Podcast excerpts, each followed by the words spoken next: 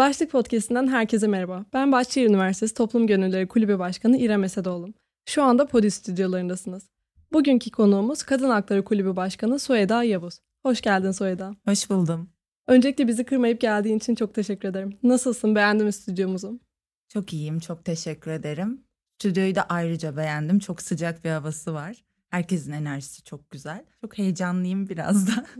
Hoş geldin tekrardan. Yavaştan başlayalım istersen. Olur. Süheda Yavuz kimdir? Nasıl başkan oldu? Bu kadar kulüp varken neden Kadın Hakları Kulübü'nde görev almayı seçtin? Aslında sosyoloji bölümü öğrencisiyim. Tabii ki sosyoloji okumanın bana kattığı çok şey oldu. O yüzden bir ideoloji peşinde koşmanın kıymetini anlıyorum. Bir varoluş mücadelesi aslında benim için kadın hakları. Başlangıcından beri kulübün içindeyim aslında. İlk kurulduğu andan itibaren işte o planlamalarda vesaire oradaydım. Daha sonra biraz koptum. Sonra arkadaşım başkan oldu. Ee, onun desteğiyle beraber tekrar yönetim kurulunda işte güzel bir mücadele verdik. Etkinlik organizasyon başkanıydım. Bu sene de beni seçtiler sağ olsunlar. Süper. Yani benim için tabii ki bir okul kulübü olarak e, bazı sınırlarımız var. Yani yapacaklarımız açısından ama ben kendi hayatımda da bunu uygulamaya çalışıyorum. Ve hayatım boyunca da kadınların hakları için mücadeleye devam edeceğim. Süper. Peki Kadın Hakları Kulübü deyince doğal sonucu olarak aklımıza sadece kadınlar geliyor. Kulüp olarak savunduğunuz, ürettiğiniz projeler sadece kadınlar üzerine mi? Aslında şöyle isim evet biraz öyle bir algı yaratıyor. Yani mecburen biraz o isim seçtik gibi oldu. Ee, daha çok ataerkiliteyle mücadele kulübü de diyebiliriz. Yani ben bunu tanışma toplantımızda da çok vurguladım. Özellikle erkek üye görmek beni aşırı mutlu ediyor. Yani bu bizim kadına başaracağımız bir şey asla değil. Kesinlikle öyle. Ve aynı zamanda sadece mağdur olan biz değiliz. Yani ataerkilitenin bize hepimize yüklediği sorumluluklar ve roller var farkında olmadan yapmak zorunda kaldığımız. Aslında onların da erkeklerin de bütün bireylerin üzerine düşünmesi gereken, sorgulaması gereken çok önemli şeyler olduğunu düşünüyorum. Biraz o kapalı kapıları açmaya çalışıyoruz aslında. Ee, o zihin arkasına attığımız şeyleri sorgulamaya çalışıyoruz. O yüzden hani onların da haklarını savunuyoruz. Asla erkek düşmanı değiliz. ee, onları da anlıyoruz. Öyle de bir algı var bir yandan. yani kesinlikle, kesinlikle öyle bir algı var. Peki feminizm? Ben feministin çok yanlış bilindiğini hatta uygulandığını düşünüyorum. Evet. Çevremde şeye denk geldiğim bile oldu. Ben feministim diyor ama bir yandan da diyor ki erkekler kapatılsın.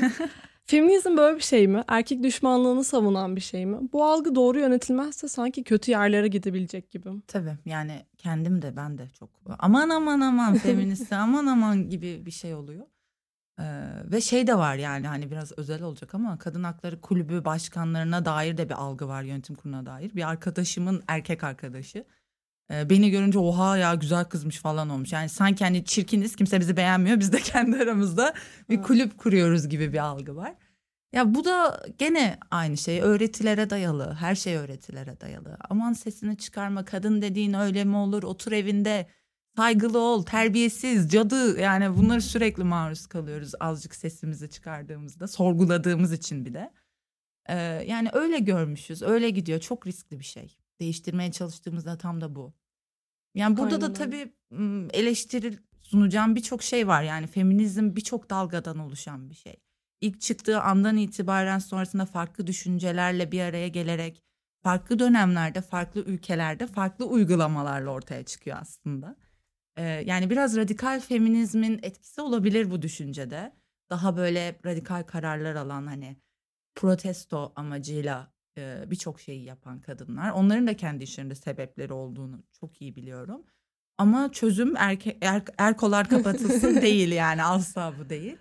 Ee, ve bu algıyı da hani inanın yani gündelik hayatımda da çok erkek arkadaşım da var. Yani o kadar saçma cümleler duyuyorum Aynen ki. Öyle. Yani onlara anlatmak için o bile bir mücadele bu arada. Hani ne yapacaksın ki de çok duyuyoruz. Hani bu konuda aşırı doluyum. Kusura bakmayın. Hepimiz öyle. Yani ne yapacaksınız ki? Hani sistem böyle değiştiremezsiniz ki gibi bir algı da var. Yani bir kişiye dokunmak bile benim için çok şey. Aslında değiştirmeye çalıştığımız şey sistemin ta kendisi değil evet, mi bir noktada evet. da? Yani o küçük küçük adımlarla çığ gibi büyüyeceğine inanıyorum ben bunun. Birilerine örnek olmanın, birilerini etkilemenin kıymetini çok buluyorum. Yani okuduğum bölümde de böyle bu arada. Yani orada da hiçbir şey yapmayayım o zaman. Hani Aynen. sistem böyle diyeyim. Okumayayım o zaman ben bu bölümü. O yüzden hani kaç kişiye ulaştığım umurumda değil. Önemli olan o insanlara ne kadar dokunduğum, hissettiğim, onların bana aynı şekilde karşılıklı.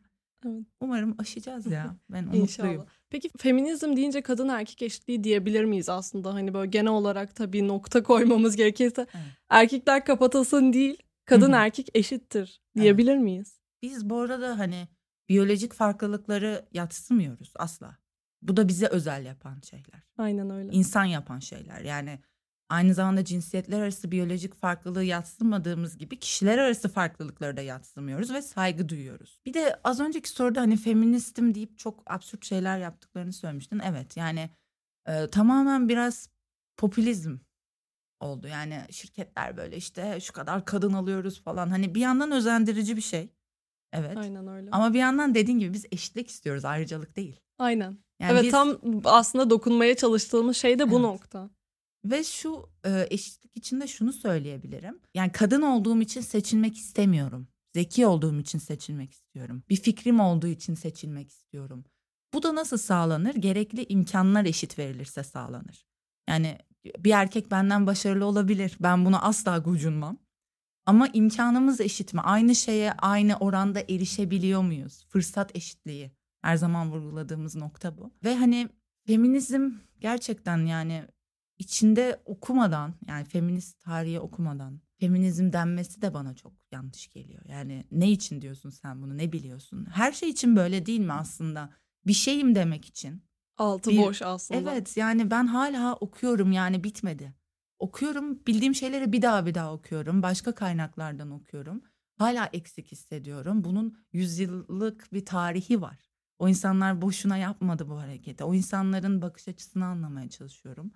Feministim demeyip de aslında ne kadar katkı sunan kişiler de var. Onların da bakış açılarını anlamaya çalışıyorum. Ve hani bu bana inanılmaz bir haz veriyor. Yani egomu da okşuyor. Hani bu- bunlar iyi şeyler bu arada. Kesinlikle. Yani bizi insan yapan şeyler bunlar ve ben bu hislerle yaşamayı seviyorum. Süper. Peki diğer sorumuza gelirsek. Yaşadığımız acı tecrübe olan depremi hepimizi etkilediği gibi doğal olarak kulüpleri de etkiledi. Bence Kadın Hakları Kulübü bu süreci iyi yürüten kulüpler arasında. Bize biraz projelerinizden bahseder misin? Teşekkür ederim öncelikle.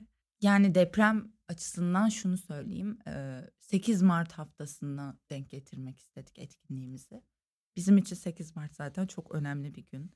Ve daha böyle kutlama havasına. Neden önemli bu arada onu da söyleyeyim. Çünkü ona da dair. Yani bazıları da diyor ki 8 Mart'ı kutlamıyorum diyor feminist. Yani o da değil. Hani o da çare değil. Hani her şeyi reddedemeyiz. Her şeyi kabul edemeyeceğimiz gibi. Yani her gün bizim için önemli. Biz zaten mücadeleyi her gün veriyoruz. Ama mücadele vermek yerine bir gün kutlama yapmak da hakkımız diye düşünüyorum. Kesinlikle öyle. Kadın olduğumuzu vurgulamak hakkımız olduğunu düşünüyorum. E, açıkçası biz daha okul başlamadan önce 8 Mart'a dair böyle bir sürü fikirler ürettik. Eğlenceli şeyler ürettik. Ancak süreç içerisinde yani hepimiz derinden etkilendik. E, ve bunun asla doğru olmayacağını, e, oraya ne kadar yardım edebileceğimizi düşündük. Bir farkındalık yaratmak istedik. Aslında bütün etkinliklerimizde bunu yapmaya çalışıyoruz. Ve e, bir stand kurduk. Bir hafta boyunca nöbetleşe durduk orada. Utanmana gerek yok dedik bir kere. Yani bir slogan haline getirmek için. E, etkinliğimizde bir pet bir farkındalık adımıydı. Pet topladık. iç çamaşır topladık. İşte bir firma sponsorumuz oldu. Kendileri de çok ciddi yardımlar yaptı. Okulumuz zaten deprem bölgesine götürdüğü için onlar aracılığıyla onları paketledik. Vergoladık, yolladık. Yani siz de o konuda bize destek oldunuz. Çok teşekkür ne demek ederim. her zaman. Onun dışında geçmişte yani bu sene yaptığımız etkinliklerden bahsedecek olursam 25 Kasım kadına yönelik şiddetle mücadele gününde yine stand kurduk. Yani bu standı biraz bu sene fazla kullanıyoruz. Ee, çünkü konuşmacı aldığımızda kimse dinlemek istemiyor. Yani uzun uzun konuşmalara tahammülümüz yok galiba. Çok hızlı bir hayat sürdüğümüz için. Biz Z kuşağının. Artık sabırsız insanlar Evet. daha çok Yani her şey çok hızlı. Her şey sürekli değişim içinde. Saniyeler içinde bir sürü şey bilgiye erişmeye çalışıyoruz. Geliyorlar 40 dakika konuşuyorlar. O sıra gidiyorlar falan hani konuşmacıya da mahcup oluyoruz açıkçası. O yüzden bir stand kurduk. Orada da daha böyle interaktif bir şeyler yapmaya çalıştık. Bir cansız manken kurduk. Ya. Evet. Gelenlerle standa Evet hatırlıyorum post-it yapıştırma değil mi? Evet aynen yani bir şiddet cümlesi bırak. Psikolojik şiddet cümlesi bırak dedik. Ve hani o mankeni böyle donattık. İşte tasarımcımız çok güzel tasarımlar yaptı. Okula astık onları falan. Bütün gün standdaydık o gün. Onun dışında Aralık ayında bayağı aktiftik. Ee, bir HIV etkinliği yaptık. Hepimizin meselesi olduğu için. HIV'in ne olduğunu, bulaş yollarını, hukuki boyutlarını konuştuk. 5 Aralık Dünya Kadın Hakları Günü'nde de aynı dünyanın insanları farklı şartlar. Biz böyle etkinliklerimize çarpıcı isimler bulmak için bayağı uğraşıyoruz. En zor bu arada isim bulmak. Daha dikkat çekici oluyor bir evet, yandan da. yani onu amaçlıyoruz. Ee, orada da yine alanında uzman kişilerle yaptığımız bir e, seminer tarzı bir şeydi. Sonrasında flört şiddetini konuştuk. Daha hani bizim kuşağı ilgilendiren ve hem kadını hem erkeği çokça ilgilendiren. Çünkü hani yani biz kendi aramızda konuşuyoruz. Bunu bir yere taşımak istemiyorlar, çekiniyorlar. Ama erkek üyelerimiz de hani gerçekten mağdur oldukları durumlar var. Ama ben diyor ki bunu anlatsam kesin bende bir şey bulacaklar. Onların da sesi olmayı o kadar istiyorum ki ama işte e, linçlenmekten korkuyorlar. Dile getirmekten çok korkuyorlar. O yüzden hani partnerliği e, konuştuk ve hani aslında neden bu kadar önemli? Çünkü özel alanımızda verdiğimiz mücadele kamusal alana taşınıyor. Aynen öyle. Benim için de öyle oldu serüvenim yani. O yüzden buradayım aslında. Sonrasında bir atölye yaptık. Yaratıcı yazarlık atölyesi. Orada da kadının toplumdaki yerine dair yazılar yazdık. Öncesinde biraz nasıl düz yazı yazılacağına dair Esra Algan e, bize metotlar gösterdi. Onun kafesine gittik. Kadıköy, Ya, süper. Kadıköy'de evet. Orada kendi aramızda öyle bir yazı atölyesi yaptık. Onun dışında bu arada e, depremle beraber bir psikologla anlaştık. Düşük ücretle online terapi desteği veriyor. Onun için de hani gerçekten önem verdiğimiz bir şey. O hala devam ediyor. Peki üyeleriniz ya da burada bizi dinleyecek Herkes. olanlar size nereden ulaşabilir? Instagram sayfamızdan Boğu Kadın Hakları yazarlarsa aynı zamanda mail hesabımızdan ulaşabilirler. DM'den ulaşabilirler her an bakıyoruz.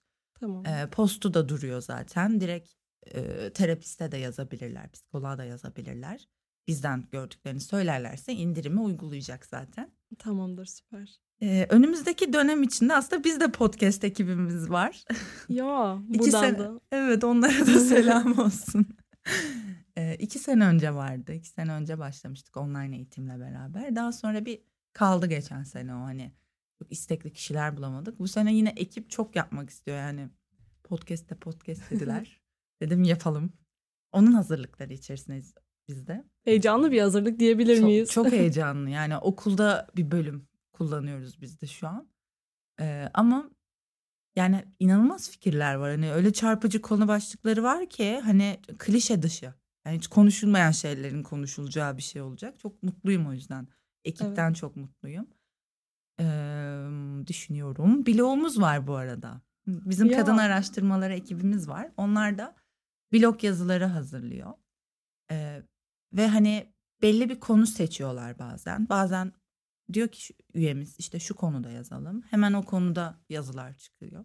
Ona da ulaşabilirler Instagram'ımızdan. Süper. Ve hani daha böyle gezeceğimiz bir dönem olacak ileriki günlerde. Çeşitli atölyelerimiz olacak. Daha böyle interaktif şeylere yöneliyoruz aslında. Ya aslında her bir projeniz birbirinden değerli ama ben son zamanlarda da böyle herkesin flört şiddeti üzerine durması benim aşırı hoşuma gidiyor. Çünkü çok önemli bir konuyken bir yandan da böyle herkes flört şiddeti mi ne gibisin ama aslında hepimiz fark etmeden ya uğruyoruz ya uyguluyoruz Evet. flört şiddetini. O yüzden bu konunun gerçekten gündeme gelmesi benim çok hoşuma gidiyor. Tekrardan teşekkür ederim size de. Eğlenceli sorularımıza geçmeden önce biraz üniversitedeki kadını konuşmak istiyorum. Üniversite hayatı denilince aklıma gelen ya da küçüklüğümden beri aklımda canlanan sahne konserden tiyatroya, o kafeden diğerine gittiğim, arkadaşlarımla doyasıya eğlendiğim günler canlanıyor. Ya da canlanıyordu eskiden diyebilirim. Ama maalesef ki günümüzde ekonomik sıkıntılar bir yana, arkadaşlarımla plan yaparken önce hangi konsere gitsem yerine eve nasıl döneceğim sorusu aklıma geliyor. Bu konuda söylemek istediğin bir şeyler var mı? Sen bu gibi sıkıntıları yaşıyor musun? Ya da üniversitedeki kadın denilince senin aklına ne geliyor? Şunu da ekleyebilirim diyebileceğin bir şey var mı? Ee, biraz sosyolojik yaklaşayım o zaman. yani bizim mağdur bilimi diye bir dersimiz var mesela. Orada da bunu konuşuyoruz. Özellikle kadın olarak bizim bir suçun mağduru olma korkusu var hepimizde. Ve hani bu yüzden ben de çok yaşıyorum bunu. Yani yürürken bile arkamızı sürekli kontrol etmek zorunda kalıyoruz. Ve hani mağduriyetimiz aslında sadece işte e, iş yerinde cam tavan, evde emek eşitsizliği değil. Onlar da çok büyük ama gündelik hayatta dolaylı olarak birçok mağduriyete de maruz kalıyoruz. Hani kanı, yemin ederim ama ispatlayamam durumlarını da sürekli yaşıyoruz. Yani bu kadınların bir suçun mağduru olma korkusu aslında onları sürekli olarak bir baskı altında hissettirir. Davranışlarını değiştirmek zorunda bırakır. Ee, karanlıkta yürümeyi önlemeye çalışırız hani aman hava kararmasın ya da sessiz sakin bir sokaktan geçmek istemeyiz. Hep bir kalabalığın içinde olmak, fark edilmemek isteriz. Onun dışında yolumuzu, bazen giyim tarzımızı değiştiririz. Hani canımız o gün başka bir şey giymek ister ama eve geç döneceğim bunu giymeyeyim deriz. Ya da taksi tutarız. Ee, hani sırf toplu taşıma kullanmamak için. O Daha da aslında fazla. ayrı bir korku diyebilir miyim? Taksiyle evet. de tek başına dönmek de ayrı bir korku evet, bir yandan Evet kesinlikle. Kesinlikle öyle. Ya plakasını alıp Aynen işte öyle. hani. Arkadaşını atma. Babamı arıyorum ben taksi. İşte baba nereden alıyorsun beni falan hani gibi bir yerden alıyormuş gibi şeyler yapıyorum. Ve bu durumlar bizi tabii ki daha savunmasız hissettiriyor. Ya da geç saatte tek başımıza döneceksek illa ki hani birine aramak, yanımıza dahil etme isteği de oluyor. Hani ya da konumumuzu birine atma gibi. Evet, evet kesinlikle. Peki neden? Yani başta söylediğim gibi tabii ki ataerkillik. Aile yapısı bu arada hani buradan linç yemeyeyim ama Türk aile yapısı diye böyle kutsadığımız şey birçok psikolojik ve toplumsal boyutta yan etkileri var. Yani bir ülkenin aile yapısı bana saçma geliyor. Aile dediğin şey insanların rahatça iletişim kurabildiği, özgür düşünebildiği, fikirlerini ifade edebildikleri bir alan olması gerekiyor. Ya da en basitinden böyle sevdiğini bile söyle, rahatça söyleyebilmelisin bence aile ortamında ama Kesinlikle. çok maalesef ki günümüzde ben buna çok denk gelmiyorum. Evet yani tabularımız var tabularımız çok fazla. Yani şiddeti çok net gösteriyoruz her an her yerde ama sevgiyi gösteremiyoruz ve ayıplıyoruz göstereni de. Hani sevgiye aç bir ülkeyiz bence ama bunu da karşılamak için bir şey de yapamıyoruz. Yani işte o ailede öğrendiklerimiz o baskıcı ya da fazla rahat ikisi de bu arada aynı sonucu çıkarıyor. Yani korunmasız hissediyorsun Kesinlikle. ikisinde de. İkisine de savunmasız hissediyorsun. Çekiniyorsun varlığını bile sorguluyorsun. Yani bunun psikolojik tabii ki çok etmenleri olduğu gibi toplumsal boyutta da bu gibi dönüşlere yol açıyor. Çünkü ailede bize hep suçun, kötülüğün dışarıdan geleceği öğretiliyor. Ama oranlara, istatistiklere baktığımızda yani çoğu mağdur suçu yapan kişiyi yakından tanıyor. Aile içi biri ya da erkek arkadaşı. Neden erkek arkadaşı diyorum? Kadınlar çok daha fazla çünkü yani inanılmaz bir fark var mağduriyet açısından. Bir de medyanın gösteriminin çok önemli olduğunu düşünüyorum. Yani o insanın bir şekilde işte şeyin adı verilmiyor. Suçlunun, zanlının adı verilmiyor. Mağdurun e, soyadının işte baş harfi veriliyor. Sonra bir de hani okuduğu bölüm yani o kişi ona ulaşabilir tekrar. Başka bir kötü düşünceli biri ona tekrar ulaşabilir. Yani habercilikte de bu çok yapılıyor. Çok yanlış. Onun dışında işte pembe dizilerde gördüklerimiz hep mağdur kadınlar. Güçlü kadının cadı olduğu, kötü karakter olduğu. Yani sesini yükseltiyor. İlla ki kötü bir şey yapacak. Hiç iyi bir yönü yok bu arada. Tek tip insan.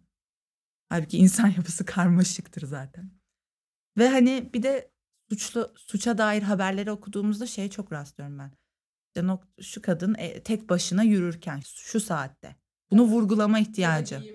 Evet işte alkollüyse alkollü işte şu kişinin evinde gibi gibi eğlence yerinden hani sanki orada zaten bir mesaj var.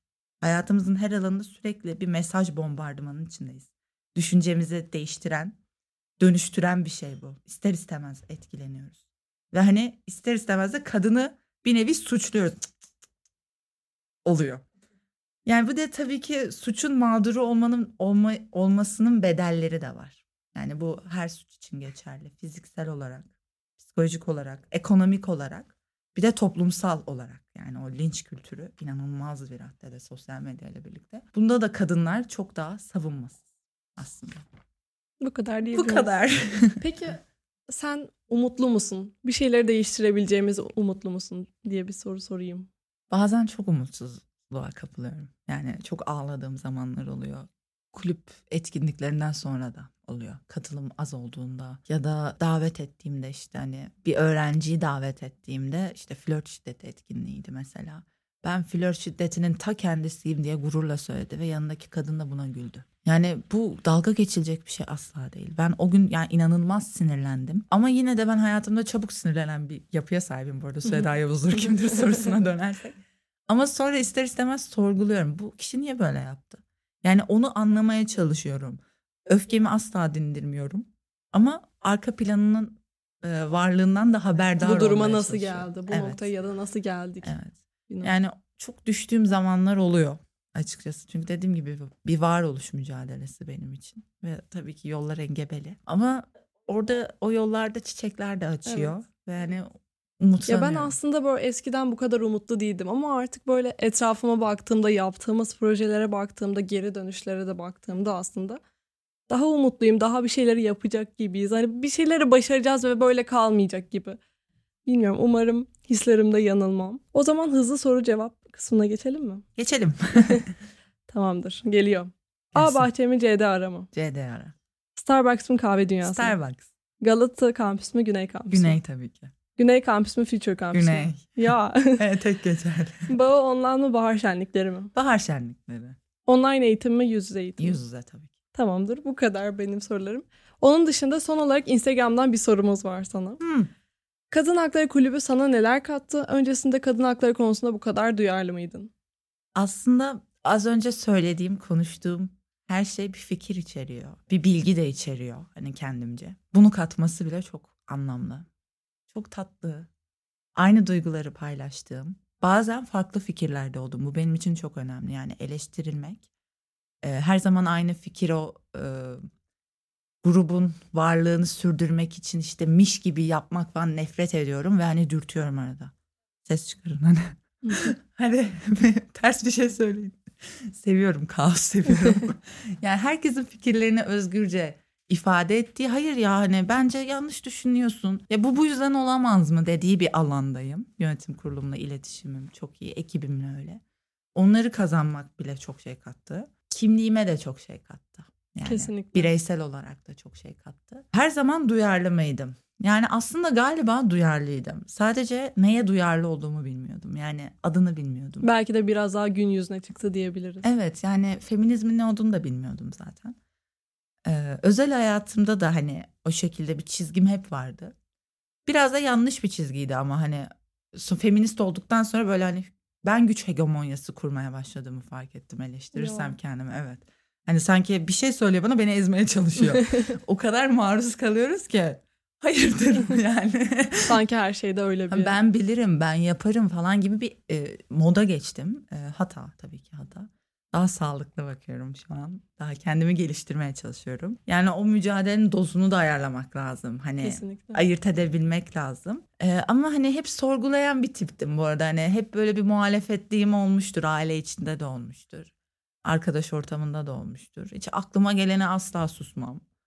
Ee, ve hani bir kadın eziliyorsa, bir şeye, kötü bir şeye maruz kalıyorsa gerçekten hep yanında olmaya çalıştım. Ee, ama feminizmle tanışmam yıllarımı aldı. İyi ki, İyi de, ki de aldı. Çok teşekkürler geldiğin için. Benim ben sorularım bu kadar. Ederim. Teşekkürler. Kendine çok iyi bak. Son olarak İstanbul Sözleşmesi yaşatır demek istiyorum ve gerçekten yürürlüğe gireceğini umut ediyorum. İşte tam olarak umudum en çok da bu yönde.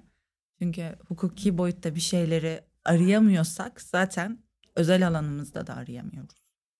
Maruz kalıyoruz. Yapsam ne olacak gidiyoruz. Yani bildirmek bile istemiyoruz. Güven azalıyor çünkü. Ama hukuk sistemimize güvenmeliyiz. Ben de bir hukukçu olarak bunun için gerçekten çabalayacağım. Söz mü? evet söz. Bizi unutmayın. teşekkür ederim tekrardan. Ben de teşekkür ederim. Çok keyif aldım.